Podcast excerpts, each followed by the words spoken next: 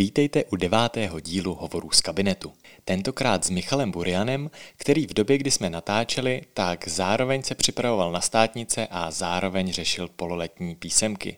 Nejen o tom, jaké to je zároveň učit a zároveň studovat, ale také o tom, co dělá poté, co se mu nepovede hodina, o tom, jestli je těžší zaběhnout maraton nebo učit v červnu, nebo jak využívá Instagram ve výuce.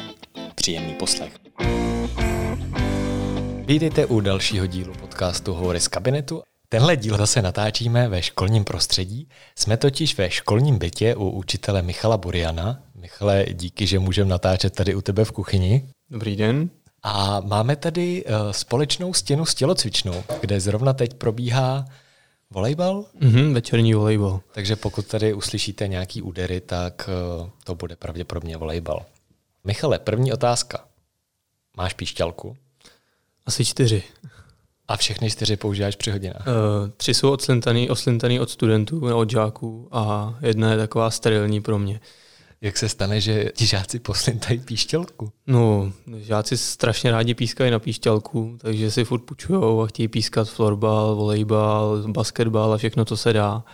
Takže tři jsou na půjčování a pak jedna tu opravdu z ruky nedám, protože jsem přece jenom háklivý na cizí sliny. Takže necháváš vlastně žáky při tělocviku, aby i sami řídili tu hodinu, mm-hmm. je to tak? Samozřejmě záleží, záleží, co zrovna máme v plánu, ale když je nějaká herní hodina, mám tam opravdu šikovný žáky, který opravdu ten sport hrajou, tak uh, je nechávám i řídit.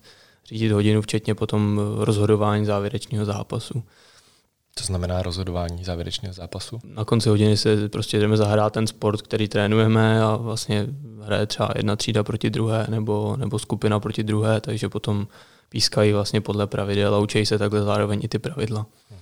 Z toho už asi každý z našich posluchačů pochopil, že učíš tělocvik. Mimo jiné.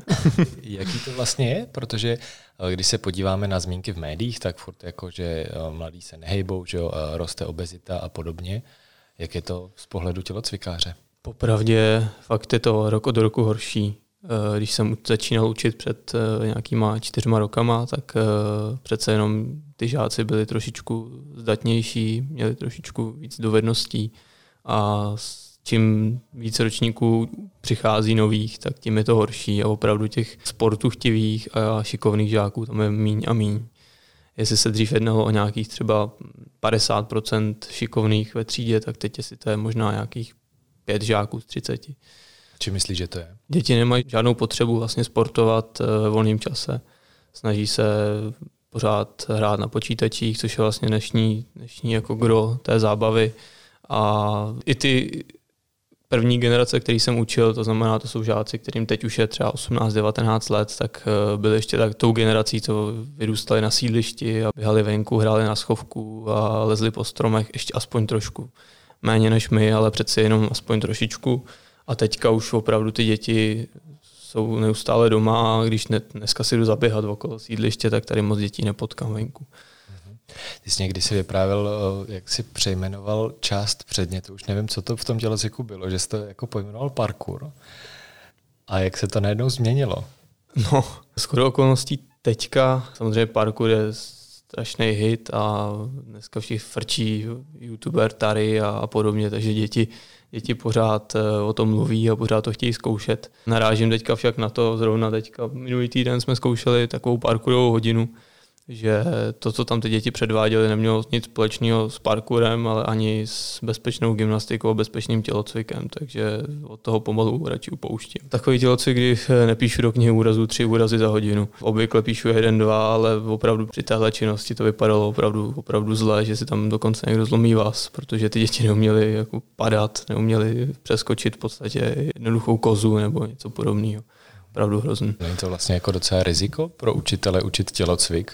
Když každou hodinu píšeš tři úrazy nebo dva úrazy. Tak ono samozřejmě ty úrazy nejsou, nejsou většinou nic vážného, ale ty děti už to sami ani neumějí rozklíčovat. Když my, my jsme si odřeli koleno, tak uh, jsme nad tím mávli rukou a hlavně jsme si říkali, aby to máma doma nepoznala, ale dneska ty děti jsou naučený, že jsou bolístkové, takže se snaží opravdu všechno ze všeho vytřískat maximum, takže naražený prsty a podobně pořád, pořád píšeme uh, do knihy úrazu bohužel říkám, že jsme jednou nohou v kriminále, protože když ten úraz nezapíšeme a trošku něco podceníme, tak ty rodiče se na nás mlsnou.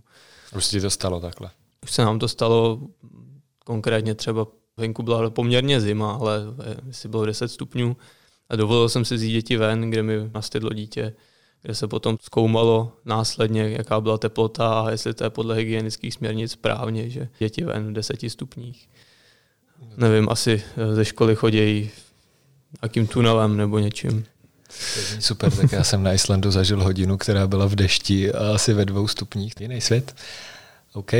Natáčíme ve chvíli, kdy zároveň se pomalu blíží pololetí, ale taky zároveň je zkouškový, protože ty ještě pořád studuješ. Jaký to vlastně je pro učitele, když se ti to takhle zbíhá? Je to strašně zajímavé to kombinovat. Eh, jednak eh, samozřejmě se snažím sebe vzdělávat pořád, nejenom o zkouškovým. Teď to samozřejmě trošičku intenzivnější, zvlášť když se blíží státnice ale teď momentálně jsem rád za každý suplování, kdy mají děti zadanou práci a můžu to využít ke svému studiu v hodině, takže když mají samostatnou práci, tak se pokouším ještě rychle něco naučit. S dětmi jsem o tom mluvil, takže o tom vědí a plně to jako respektují a podporují mě, protože už jsem jim slíbil, že letos už je to naposled a doufejme, že v příští rok už to bude bez učení v hodinách. Máš to třeba jako, že se ti jinak kouká na ty děcka, který zrovna mají jako ty pololetní písemky, když vlastně ty máš to zkouškový? Trošku si myslím, že ta empatie tam funguje, že teď vím, co zakoušejí a zároveň eh, oni taky vnímají mě eh, jako, když to řeknu, parťáka, protože vědí, že taky studuju, že mě teďka čekají státnice a že toho učení není málo na ty státnice, takže říkají si písemka dobrý, ale pan učitel tady má mnohem toho víc a taky to zvládá. Takže opravdu pro mě to je i, i motivace pro ty děti. Není to třeba zároveň, že by to nějak snižovalo jako tvoji autoritu, že prostě no, vy nejste dostudovaný nebo něco takového? Zatím se mi to nestalo, že by to takhle někdo vnímal. Sice jsem se toho taky trošičku bál, ale Oni jsou zvídaví a pořád se ptají, jak to vlastně v té, na té vysoké škole funguje, protože si všímají, že na dveřích mám napsaný jiný titul než třeba kolega, že tam je BC a ne MGR, tak se ptají, kdy už taky konečně budu MGR, jestli budu MGR a BC nebo jenom MGR. Že je to strašně zajímá, ale v autoritu to, to jako nesnižuje. Nestalo se mi, že by to tak děti vnímali. A obecně, když se u tohle ještě zastavím, protože ty seš, nebo oba jsme, oba dva jsme jako mladí učitelé, a jestli jsi s tímhle se nějak setkal, jakože k tobě přistupovali třeba jinak, ať už na jeden nebo na druhý způsob? Vzhledem k tomu, že dokážu si myslím tu autoritu si nějakým způsobem získat a taky mi pomáhá velmi, že jsem, že jsem chlap, tak e, naopak to, že jsem, že jsem věkově k ním blíž, si myslím, že vnímají v tom vzdělávacím procesu mnohem pozitivněji, než třeba když je má někdo starší. E, hlavně, když potom probíráme nějaké citlivější téma, Například, se dostaneme.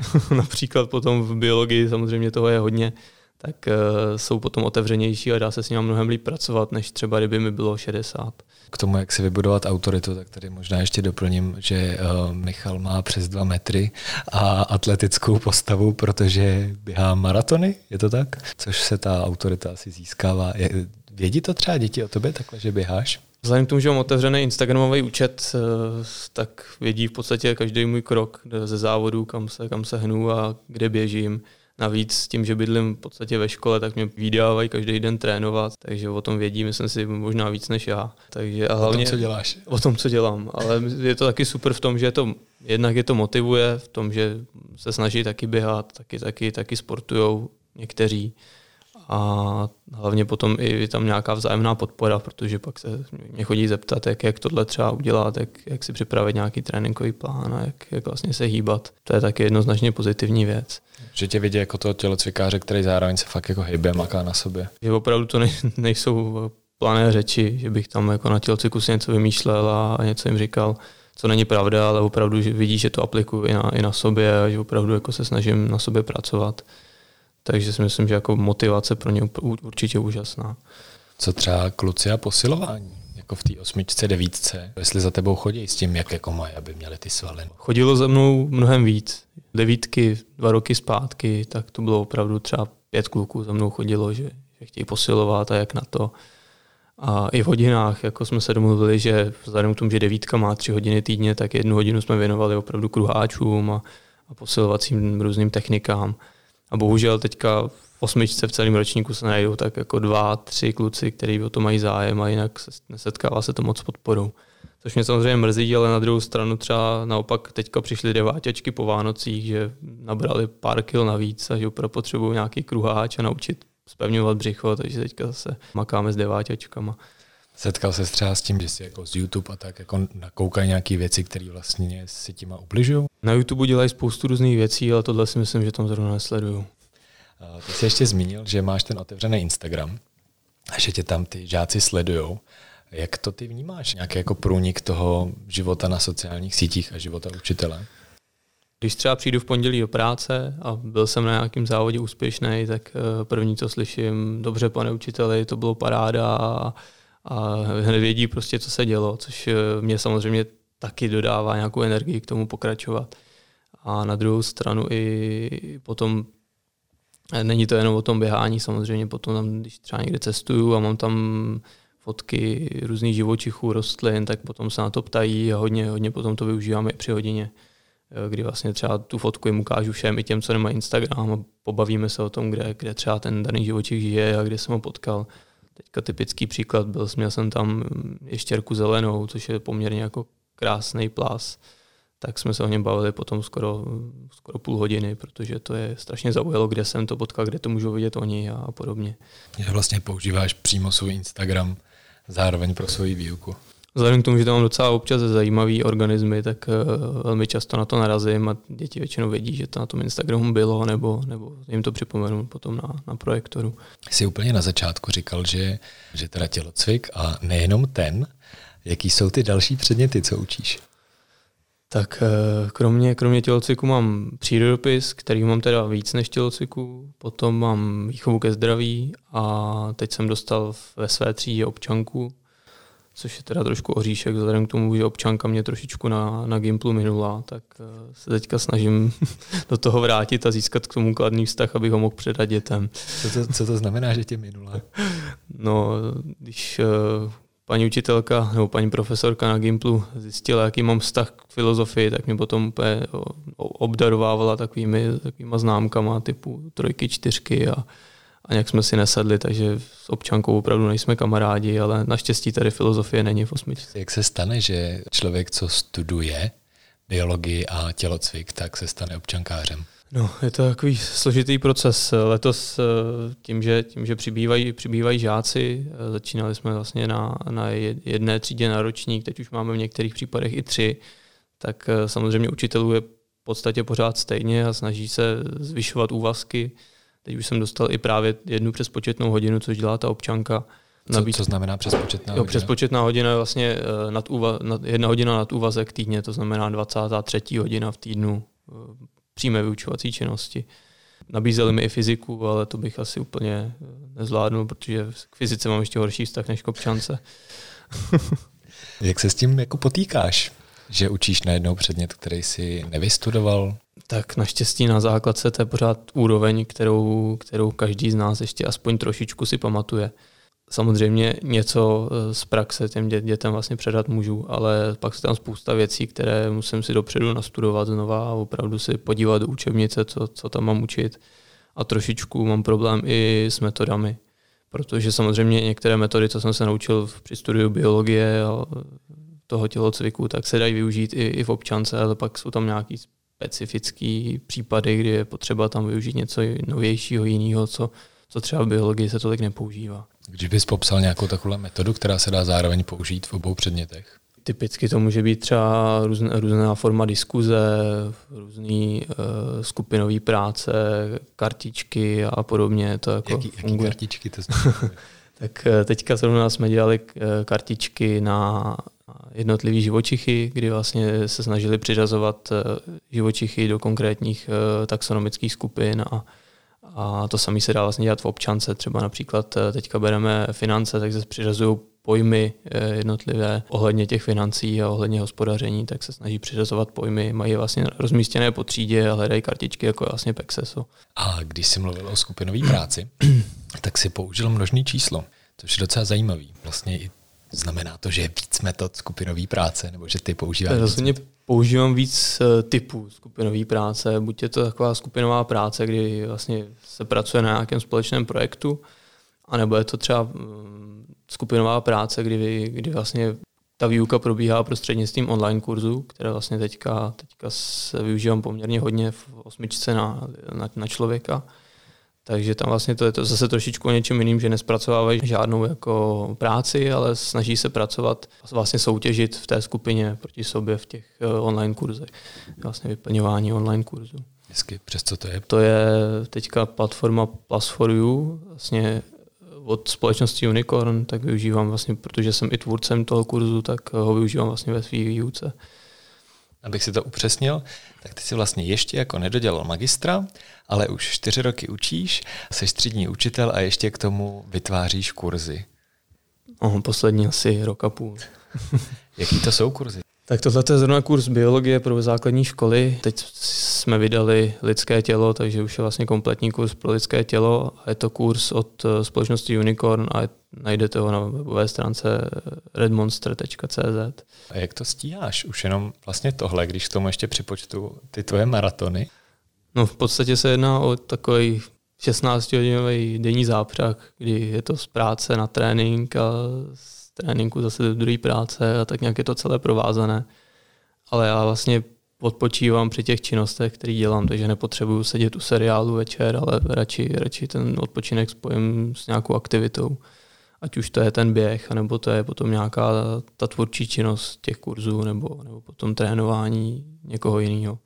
Dá se třeba srovnat, co je těžší, jestli doběhnout maraton nebo doučit hodinu v červnu?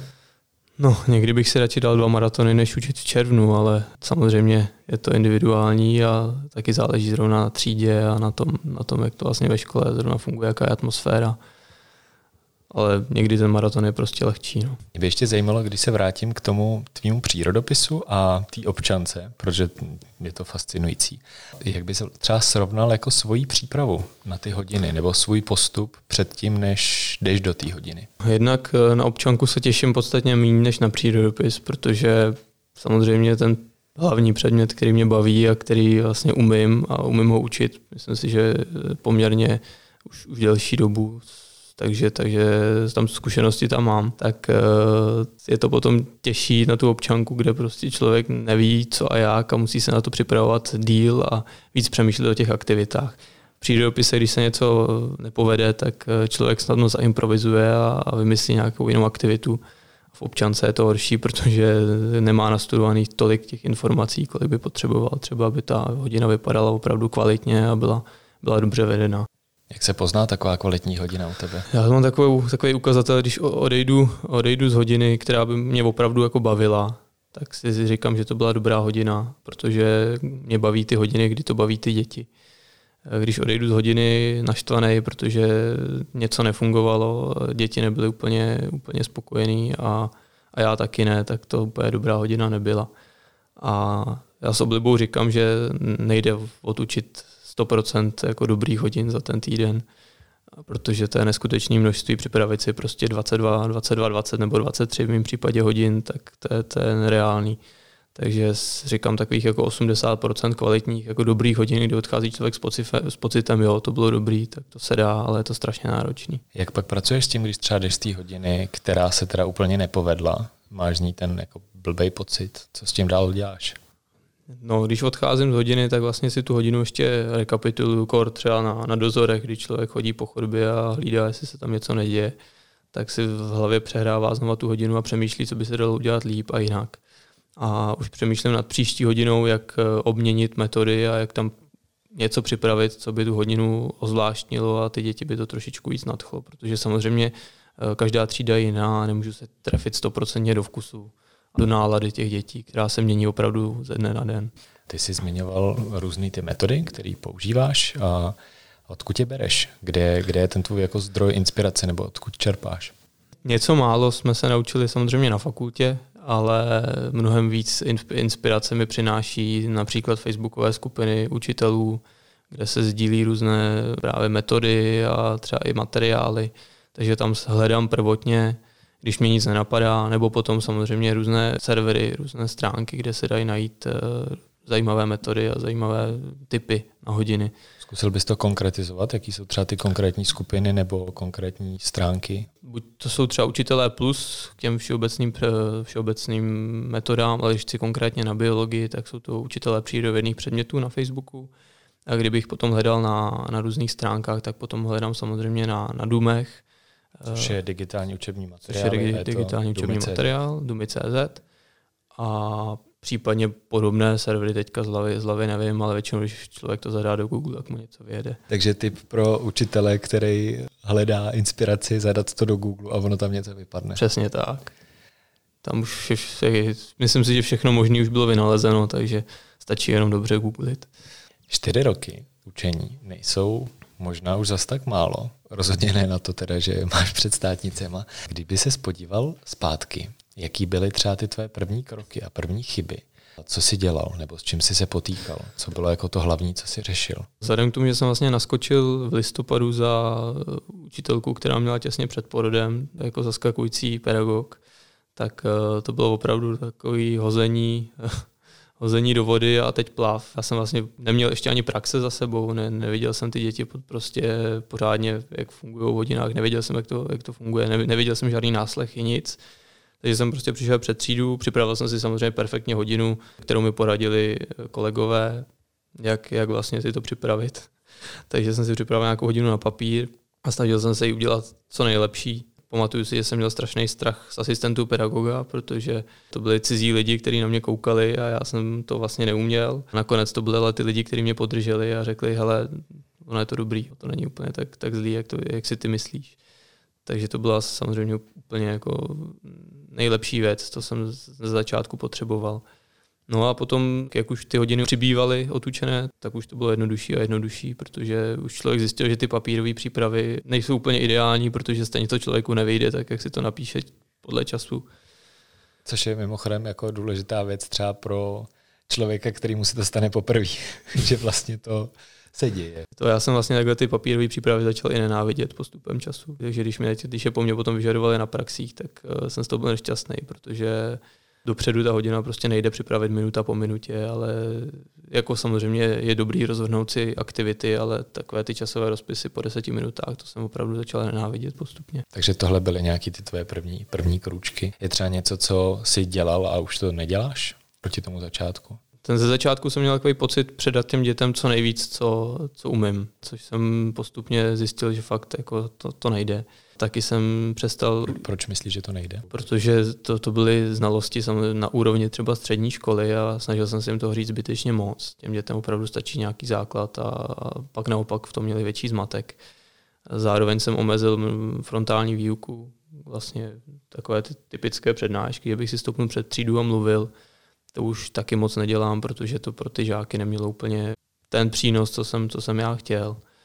Takže to si myslím, že se taky radikálně změnilo, protože samozřejmě ty první hodiny, co si budeme povídat, byly vedený hodně frontálně a hodně jsem tam hrál úlohu já a ne, ne ty děti. Protože jsem přesně ještě neměl ty aktivity z toho magis, magisterského studia, když jsem byl vlastně ještě v bakalářském studiu. To znamená, dá se o tvých hodinách říct, že tam vlastně jako ty nejseš ten hlavní? Jo, snažím se, aby si na všechno děti přišli sami a abych já tam byl jenom takový průvodce, který jim vlastně ty informace upřesní a nebude jim je servírovat na zlatým podnosu. Takže ty děti opravdu musí pracovat a samozřejmě se jim nechce. A dost často slychávám, pane učitele, nemůžeme si prostě jenom psát poznámky. Prostě říkám, ne, nemůžeme. Já chci, abyste mysleli, a ne, abyste si to sem přišli odsedět a opisovat slepě z tabule, ale aby jsme opravdu něco tam udělali a nějakým způsobem vám to do, do té hlavy dostali a ne, že ne do sešitu, ale do hlavy. Jak to pak děláš, když takhle se jako staví vlastně proti tomu a že by chtěli jako tu normální výuku a podobně? Většinou potom se snaží vymyslet nějakou aktivitu. Teď zrovna třeba pomáhá ten online kurz, který je strašně baví a opravdu ho mají rádi, takže když přijdu na začátek s opakováním pomocí online kurzu, byť už eh, u interaktivní tabule, eh, že se střídají a běhají tam a ťukají, anebo že, že to dělají ve skupinách, na mobilech. To je strašně baví, je to taková motivace pro ně. Samozřejmě, když potom po nich chce něco, nějaký složitý, složitější metody, eh, něco opravdu vymýšlet třeba ve skupině a pracovat s internetem a se zdroji, tak to už to se jim chce míň, ale tyhle ty motivační prvky jsou pro ně důležitý. Používáš teda žákovský mobily ve výuce? Snažím se, teď se mi to trošku zkomplikovalo se zákazem mobilů, takže ty děti už si ty mobily do školy moc nenosí, protože to je zakázaný a jsou jen tam k ničemu. Co bylo dřív normální, že jsem řekl, děti, vyndejte si telefony, budeme dneska pracovat s telefonama, což bylo jednoduchý. Dneska se zákazem telefonu u nás na škole už to nejde, že bych teď řekl, vyndejte si telefony, ale musím říct den předem, přineste si telefony. Budeme na nich pracovat, což člověk občas nemá vymyšlenou týden dopředu, co bude s nima dělat. Nosíš si ty telefon do hodiny, když ho mají děti zakázaný? Já si ho nosím, protože kolikrát, když na něm nemám zaplý počítač a něco nevím, což se samozřejmě stává, stát se to může, tak uh, si to vygooglím rychle na telefonu a nemusím, a před samozřejmě před dětma řeknu jim, že potřebuji se teďka něco vám, vám vygooglit, teď to nevím, vygooglím to, rychle jim to odpovím. Uh, případně používám, vzhledem k tomu, že máme u nás wi na škole, tak používám svoje data vlastně jako hotspot. Uh, takže jim házím hotspot ze svého telefonu, což prostě bez toho to nejde. V tělocviku potom si pouštím hudbu při cvičení třeba. Ten mobil prostě v v roli toho učitele hraje poměrně jako velkou roli. Jak vypadá taková hodina tělocviku s hudbou? No, je úplně úžasná. Ty děti, když si mají hudbu a mají prostě nějaký, nějaký takovýhle motivační prvek, tak jsou prostě úplně, úplně jiný, jiný. A není to taková ta otrávená hodina, že musíme něco dělat, musíme cvičit, ale když děláme kruháč s hudbou, tak mezi tím v pauze si tam tancujou nebo něco prostě pobrukujou a opravdu ta hodina nabere úplně jiný obrátky. Ať už je to cvičení, nebo je to gymnastika, nebo je to něco, samozřejmě při basketbalu ta hudba by asi nebyla úplně slyšet, ale jsou sporty a činnosti, při kterých ta hudba je opravdu úplně úžasná. Jakou hudbu takhle pouštíš? Buď nechávám samozřejmě vybrat děti, ať si tam pustí, co, co oni poslouchají, což je občas trošku riziková volba, a nebo tam dáme nějaký, nějaký playlist na Spotify ke cvičení, nebo nějakou, nějaké hity, nebo, nebo něco. Většinou ale si vybírají sami, že to nemusím řešit. Co myslíš tím, že je to riziková, riziková volba? Dneska se hodně poslouchá třeba i český rap, kde úplně nepadají slušné výrazy a potom to úplně není, není fajn, když se to line z cvičny a ředitelné v podstatě za rohem, takže samozřejmě tyhle, ty, tuhle hudbu mají hodinách zakázanou, ale když mají svůj nějaký playlist, tak to tam občas skočí. Jak to pak řešíš? No, přepneme to dál. Stalo se ti někdy, že by to třeba pustili na schvál? Samozřejmě stalo, ale potom se o tom popovídáme, řekneme si, hele, ta hudba tady být nemusí. A oni samozřejmě vyhodnotí, že je lepší tam pustit něco normálního a, a mít hudbu v tělocviku, než prostě podstoupit to riziko a tu hudbu prostě potom oni přijít. Řešíš takhle i v ostatní kázeňský problém, jako že si o tom promluvíš s nimi? Nebo mm-hmm. to máš? Uh, já nejsem úplně zastánce různých kázeňských trestů a poznámek, takže primárně se snažím o tom s nimi mluvit. A když to potom nepomůže, tak opravdu jako hraniční trest je potom nějaká ta poznámka nebo, nebo kázeňské opatření, ale co si pamatuju, tak za ty, teď mám osmáky, mám je od třídy, tak jsem, jestli jsem dal jedno napomenutí třídního učitele za nějaký kázeňský problém. Nepočítaje neumluvené hodiny a, a podobné věci, to už potom se, se musí řešit uh, nějak, nějak jinak ale po takových banálních věcech, jako nějakých vzájemných konfliktech a, a drzostech a podobně, tak si většinou promluvíme a funguje to. Znamená to, že žáci jsou drzí i na tebe, který máš dva metry a... Samozřejmě se to občas stane, ale myslím si, že oproti třeba jiným učitelům u mě, u mě to není tak častý. Jak k tomu pak přistupuješ, když jsou na tebe jako žáci drzí? Tak většinou před třídou nějakým způsobem ho, ho umlčím, kolikrát i se snažím vtipně, aby to opravdu opravdu vzali všichni a kolikrát to, většinou to i zafunguje. Není to, že bych ho nějak před tou třídou schodil, ale nějak jako vtipně, trefně zareagovat, eh, si myslím, že je důležitý hned. A pak už se to vlastně nemusí řešit. To dítě pochopí, že přestřelilo a už většinou si to už pak nedovolí. Eh, pokud se to opakuje, tak samozřejmě pomůže potom nějaký promluvení si v kabinetu nebo někde na chodbě a funguje to taky. Ty jsi zmiňoval, že k tobě ty žáci mají jako lepší vztah tím, že k ním jsi věkově blíž a že se to pak třeba projevuje, když se berou nějaký jako choulostivý témata v přírodopisu. Mm-hmm. A jakou s tím máš zkušenost takhle? Učil jsi sexuální výchovu teda?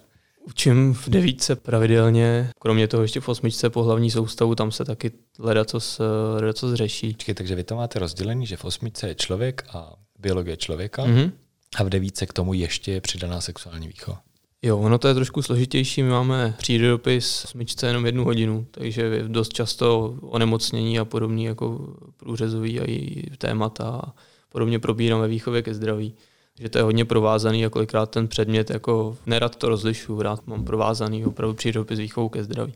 A v devíce, vzhledem k tomu, že se bere geologie a ekologie, tak tam už to s tím člověkem nemá moc společného.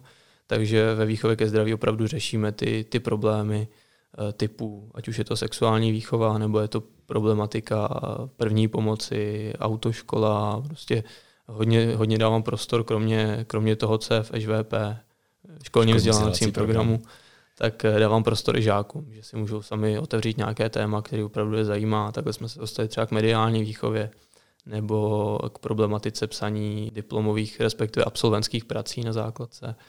Takže hodně, hodně takhle se zabrousíme občas i někam, někam mimo eh, ten školní vzdělávací program. Protože si myslím, že to, že to je důležité opravdu naslouchat těm žákům a těm potřebám a ne jenom slepě odvykládat to, co je ve vzdělávacím programu a nedávat důležitost tomu, co oni potřebují. Když se vrátím k tomu příroďáku, jak se ti to učilo? Nebo jaký to vlastně je tohle učit na základce pro mladého učitele? Když jsem tam přišel v těch eh, asi 21, tak to bylo opravdu, opravdu jako náročný a nechtělo se mi do toho. Ale postupně jsem docela k tomu našel takovou cestu a myslím si, že to je i teďka oblíbený téma moje. Protože ty děti opravdu, když se potom otevřou, tak se dostáváme občas k diskuzím, které opravdu jsou i na, nad rámec té výchovy ke zdraví a opravdu si myslím, že to je pro ně užitečný. Vzhledem k tomu, že sexuální výchova jako taková nebo rodinná výchova se učí i v rámci občanské výchovy, a vzhledem k tomu, že se samozřejmě bavím s vyučující na občanskou výchovu, která to s nima brala, tak vím, že mě se ty, ty žáci otevřou mnohem víc než třeba té, té starší kolegyni, která učí tu, tu občanskou výchovu. K jakým tématům se pak takhle dostanete třeba? Třeba teďka letos eh, jsme se dostali k pornografii a k závislosti na pornografii, což bylo strašně zajímavý téma a myslím si, že ta diskuze byla hodně plodná a i když někteří žáci samozřejmě se toho tolik nezúčastňovali, tak většinou to pro ně bylo opravdu jako zajímavý a si myslím, že to zapůsobilo hodně jako prevence. Nebál se ty do toho takhle vstoupit? Tohle je hodně ošemetný téma, takže samozřejmě eh, se člověk i bojí, co, co děti vlastně potom reprodukují doma, protože tam z toho opravdu se může vyvodit ledacos. Popravdě ono, eh, když člověk dává holkám do pomoc na gymnastice v devátý třídě na tělocviku, tak se z toho taky dá ledacos vyvodit ale vzhledem k tomu, že s těma dětma mám opravdu si myslím fajn vztah a máme nastavený nějaký pravidla, tak k tomuhle tomu nedochází. Aspoň se mi to zatím nestalo, ale doufám, že ani nestane. Stalo se ti, že by někdo takhle při těch hodinách pak jako třeba frajeřil, že by odvíral nějaký neúplně v pohodě věci? Stalo se mi to, potom vlastně i jsme to téma radši uzavřeli úplně. Vrátili jsme se k tomu až další hodinu, protože pak, když se to takhle rozhodí, ta hodina něčím takovým, tak potom, když začne jeden, tak se přidávají další a další. A pak, pak to... Zmínil bys jako ten příklad, co to bylo? Eh, tak tam byly potom jako dotazy na různé sexuální praktiky třeba a už to bylo opravdu jako asi pravděpodobně někde, někde okoukaný v pornografii nebo někde v nějakých videích a už to opravdu bylo, bylo zahranou, takže to jsme vlastně ukončili a samozřejmě snažím se odpovědět každou otázku, pokud je to jenom trochu možný, ale tohle to opravdu možný nebylo. okay. Ty jsi říkal o tom, eh, že není jako jistý, jak to reprodukují pak doma. Jak jsi na tom s komunikací s rodičema? Jaký máš s tím zkušenosti? Rodiče, teda aspoň eh, ze začátku, tak byli trošičku skeptický na ty třídní nebo konzultace tenkrát, tak chodili, chodili trošku jako rozpačitý, že jsem mladý a že neví, jestli to je jako v pohodě, jestli opravdu ti děti něco naučím. A pak byla druhá fáze, kdy zase za mnou chodili, že to po, toho po těch dětech chci moc což eh, mě teda trošičku, trošičku naštvalo, protože jsem naopak snižoval ty nároky postupně pořád. A teď je vlastně taková ta fáze, kdy už ty rodiče mě znají, už ty děti učím nějakou, nějakou dobu a už na té základce jsem před, přece jenom čtvrtým rokem, tak už eh, ke mně přistupují opravdu jako k rovnocenému učiteli. Je vidět, že tam ta podpora i ze strany rodičů je. Jestli na mě za, za ty čtyři roky byla nějaká stížnost, tak jestli byly třeba dvě. Jak se to pak řeší? Většinou tyhle, ty, tyhle ty stížnosti se vyřešily na třídních schůzkách opravdu osobně a ukázalo se, že jde vlastně o nedorozumění, ale potom, když jsou nějaký závažnější konflikty, jak se řeší ředitelně s panem ředitelem, případně prostřednictvím nějaké i výchovné komise, pokud jsou do toho zatažení žáci. Ještě bych se tě ptal, ty jsi popisoval ten svůj začátek, jak to bylo třeba s podporou ostatních nebo s podporou vedení školy vlastně pro nastupujícího, úplně začínajícího učitele bez praxe, bez, bez zkušeností? Vzhledem k tomu, že jsem naskočil v průběhu školního roku vlastně až eh, na druhé čtvrtletí, tak eh, jsem nebyl na té uvádějící pedagogické radě, kde se stanoví eh, uvádějící učitelé a podobně. Takže se na to vzhledem k blížícímu se čtvrtletí a pak pololetí úplně nějak jako zapomnělo. Neměl jsem žádný uvádějícího učitele a a to vedení prostě samozřejmě snažilo, když jsem, když jsem přišel se zeptat, tak mi rádi poradili a opravdu jako byli, byli ochotní všechno. Ale já jsem člověk, který si na všechno radši přijde sám, takže jsem se snažil tam jako proplouvat a, a ptát se těch učitelů sám a tak nějak se to učit sám, což si myslím, že, že mi dalo mnohem víc, než kdybych opravdu měl někoho, kdo mě bude vodit za ručičku celý třeba ten rok nebo dva. Naopak jsem se potom stal uvádějícím učitelem hned uh, rok na to, což byla taky zajímavá zkušenost, kdy tam přišel podobně mladý kluk, který neměl zkušenosti a potřeboval trošku pomoct. Co to pro tebe znamenalo, ta role? No, eh, jednak mu ukázat, eh, kde jsou ve škole záchody, kde je zborovna, kde je jídelna, asi to nejdůležitější.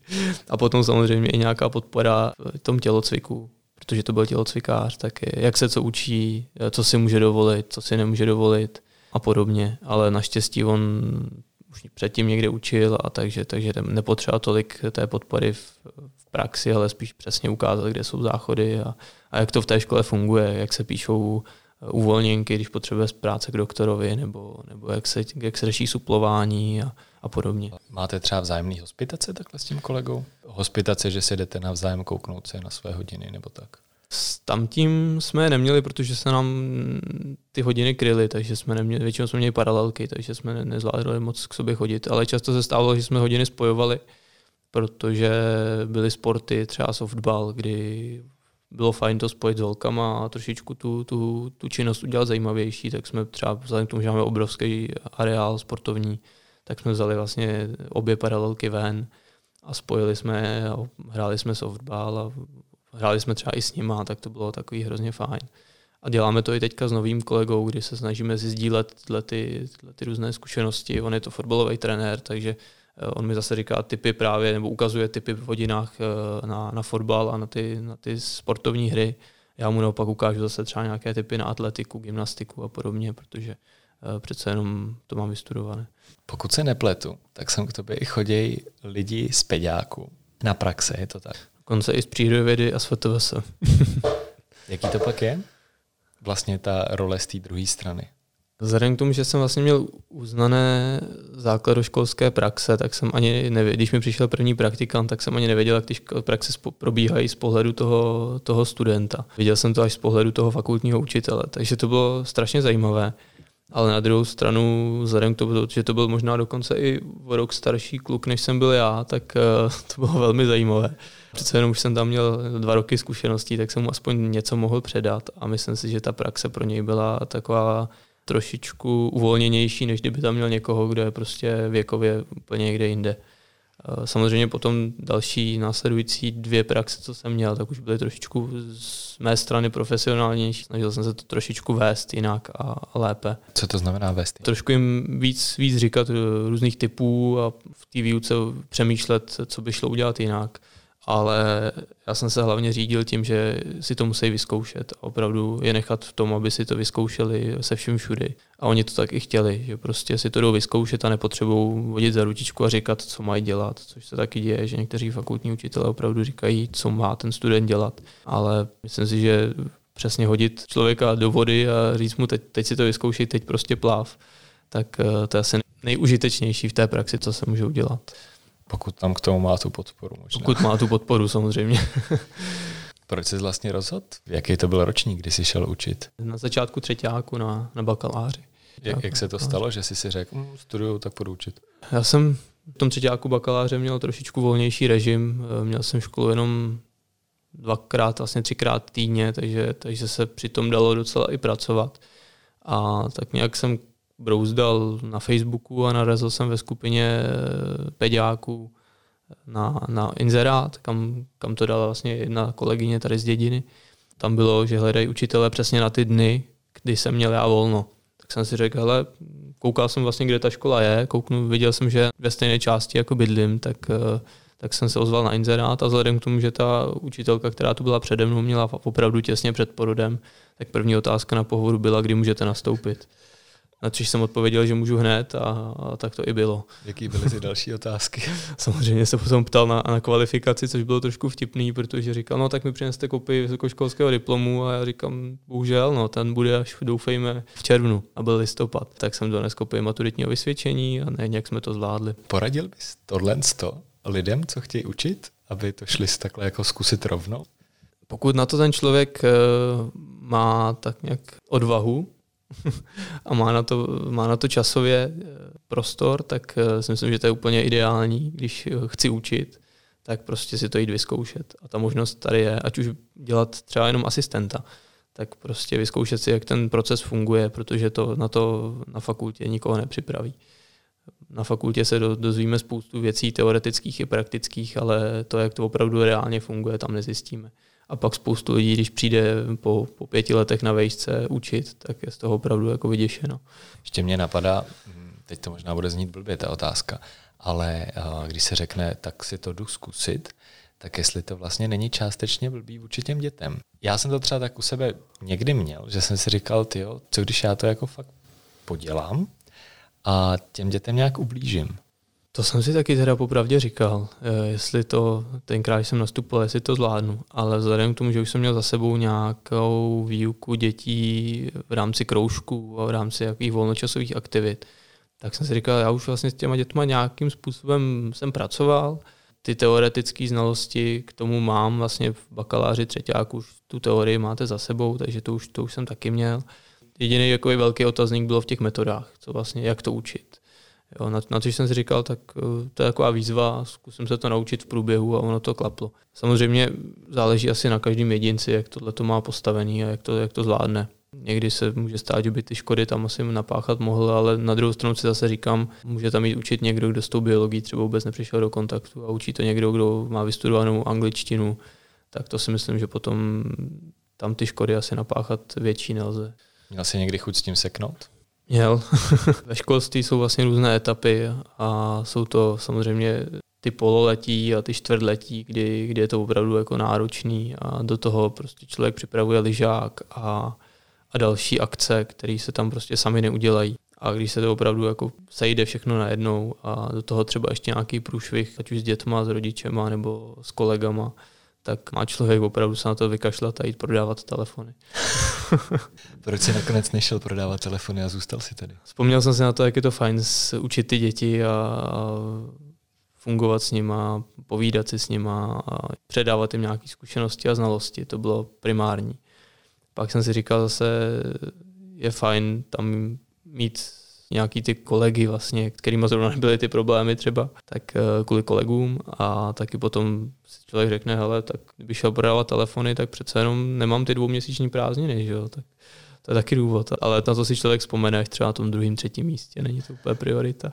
Kdybys měl říct třeba jednu věc, která ti na učení přijde fakt super a jednu věc, která naopak tě jako štve, tak eh, úplně super prostě jsou, je ten kontakt s těma, s těma dětma, protože to jsou lidi, kteří jsou opravdu ještě jako neskažený, opravdu čistý duše. Člověk s nima opravdu může otevřeně, otevřeně mluvit a může, může něco naučit a může jim něco předat.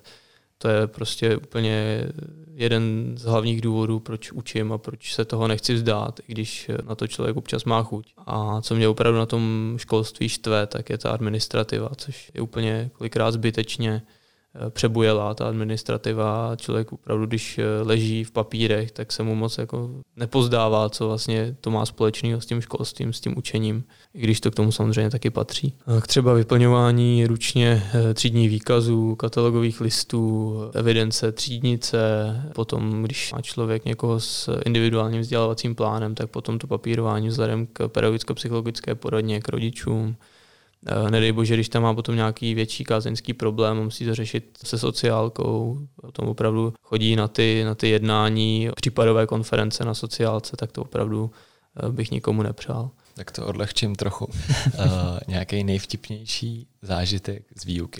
No, teď jsem si vzpomněl na takový trošku uh, zážitek za hranou, kdy jsem učil tělocvik. Myslím, že to bylo druhý rok, co jsem tam, co jsem byl na škole. A Měl jsem vlastně tam žákyně, to byla nějaká šestá, sedmá třída a byla tam Větnamka, byla tam Romka, byly tam samozřejmě takhle spoustu bělošek a teď jako jsem chtěl říct, aby se rozdělili podle barvy triček, ale tak člověk začal přemýšlet nad tím, že tam vlastně má jako různorodou populaci, tak jsem řekl, aby se rozdělili podle barvy pleti. Načež naštěstí to všichni vzali s humorem, včetně, včetně Romky i Větnamky a opravdu se tomu, jsme se tomu všichni zasmáli, tak samozřejmě se jim omluvili, že jsem to takhle říct nechtěl a naštěstí se to vzalo dobře, ale člověk občas se jako plácne hloupost, kterou by úplně neřekl normálně. Nebo různý přeřeky na, na základce jsou taky no, zlatý fond zážitku. Přeřeky jsou taky kapitola sama pro sebe. Co ti třeba udělalo radost v poslední době? Tak teďka, eh, vzhledem k tomu, že byly, že byly Vánoce a po Vánocích jsme přišli a dě, děti byly úplně, úplně jak smyslu zbavených, protože opravdu jako po prázdninách jsem do té školy nechtělo a opravdu přišli s tím tam udělat co největší nepořádek a pořádně to rozbourat tu výuku na začátku roku. Takže teďka to moc pozitivní nebylo. Každopádně, když si vzpomenu po předvánoci, tak eh, mi udělala radost exkurze do muzea hygieny do Drážďan s mojí třídou, kdy jsme si opravdu dělali nádherný den, kdy jednak jsme byli v tom muzeu, ale samozřejmě taky jsme to spojili s vánočními trhy. S kolegy i se žáky jsme se prošli po těch trzích a to muzeum opravdu bylo úžasný. A když na to ty děti ze začátku nahlíželi, jako Ježíš, jedeme do nějakého muzea blbýho a prostě místo toho, aby jsme se flákali někde v tom Německu, když už tam jedeme, tak tam budeme prostě chodit po muzeu. A pak přišli a řekli, to bylo prostě úžasná exkurze, jedna z nejlepších, to jsme kdy byli a klidně tam chcem znova tak to člověka prostě namotivuje k další práci. Udělal mi to fakt obrovskou radost před těma Vánocema. Jsi říkal, že se vrátili a snažili se co nejvíc rozbourat hodinu. Co děláš, když se ti snaží žáci rozbourat hodinu? Metod je samozřejmě víc. Buď prostě to přejdeme, změníme aktivitu, jdeme prostě dělat něco, co se baví, něco prostě akčnějšího, něco prostě, třeba teďka jsme dělali hodně, že tu výuku si vedli oni, že prostě si hráli na učitele, to je prostě tak, taky baví a hned potom, když chtějí rozbourat hodinu mě, to je jedna věc, ale potom bourat hodinu vlastně kamarádovi, to už se mi moc nechce. Takže to byla teďka třeba častá metoda, kterou jsem se snažil využívat. A nebo třeba, když to bylo v tělocviku, jak jsme řekli, tak jsem říkal, pojďme prostě udělat úplně něco jiného, pojďme si pustit hudbu a necháme tomu volný průběh, vemte si, co potřebujete za pomůcky a udělejte si fakt volnou hodinu. A to, to funguje. Většinou se nestane, že by se mi sedli na lavičku a nic nedělali, ale opravdu si vemou třeba míče, vemou si gymnastický obrůček, gymnastický náčiní, nářadí a, a něco tam vlastně se snaží tvořit. My tam jsme jenom vlastně tak, takový ten dozor, kdyby se něco náhodou stalo, nebo aby se něco nestalo. Ale to oni si tu hodinu takhle tvoří sami. Je nějaká rada, kterou dáváš studentům, co ti přijdou na praxi? Nějaká hlavně, taková univerzální? Říkám jim hlavně, hlavně buď sám sebou a na nic si nehraj, protože ty děti to poznají. Úplně nejvíc ocení, když ten učitel bude upřímný a bude s nima opravdu jako parťák. A nebude to někdo, jako já jsem tady někdo a budu, budu prostě vás teďka učit to ty děti velmi špatně nesou. A když tam člověk přijde a řekne, hele, neříkám, že se s nima hned musí tykat nebo prostě být opravdu s nima kamarád až moc, ale prostě odhodit trošičku ty zábrany. To je podle mě strašně důležitý, když před ty děti nastoupíme. Já se snažím s nimi i jako hodně, hodně povídat o různých tématech, i třeba mimo výuku. Se s nimi člověk občas podělí o něco z osobního života, což je taky strašně důležitý, protože se děti uvědomí, hele, on je to taky jenom člověk a není to prostě jenom nějaký robot, co nás tady snaží se něco naučit. Takže to je asi první rada, kterou jim říkám. Super, tak jo, díky za tvůj čas. Taky děkuju. Skončil devátý díl hovorů z kabinetu. Jestli se vám díl líbil, dejte o něm vědět na sociálních sítích nebo nám přímo napište a na další desátý se můžete těšit v druhé půlce března. Naslyšenou.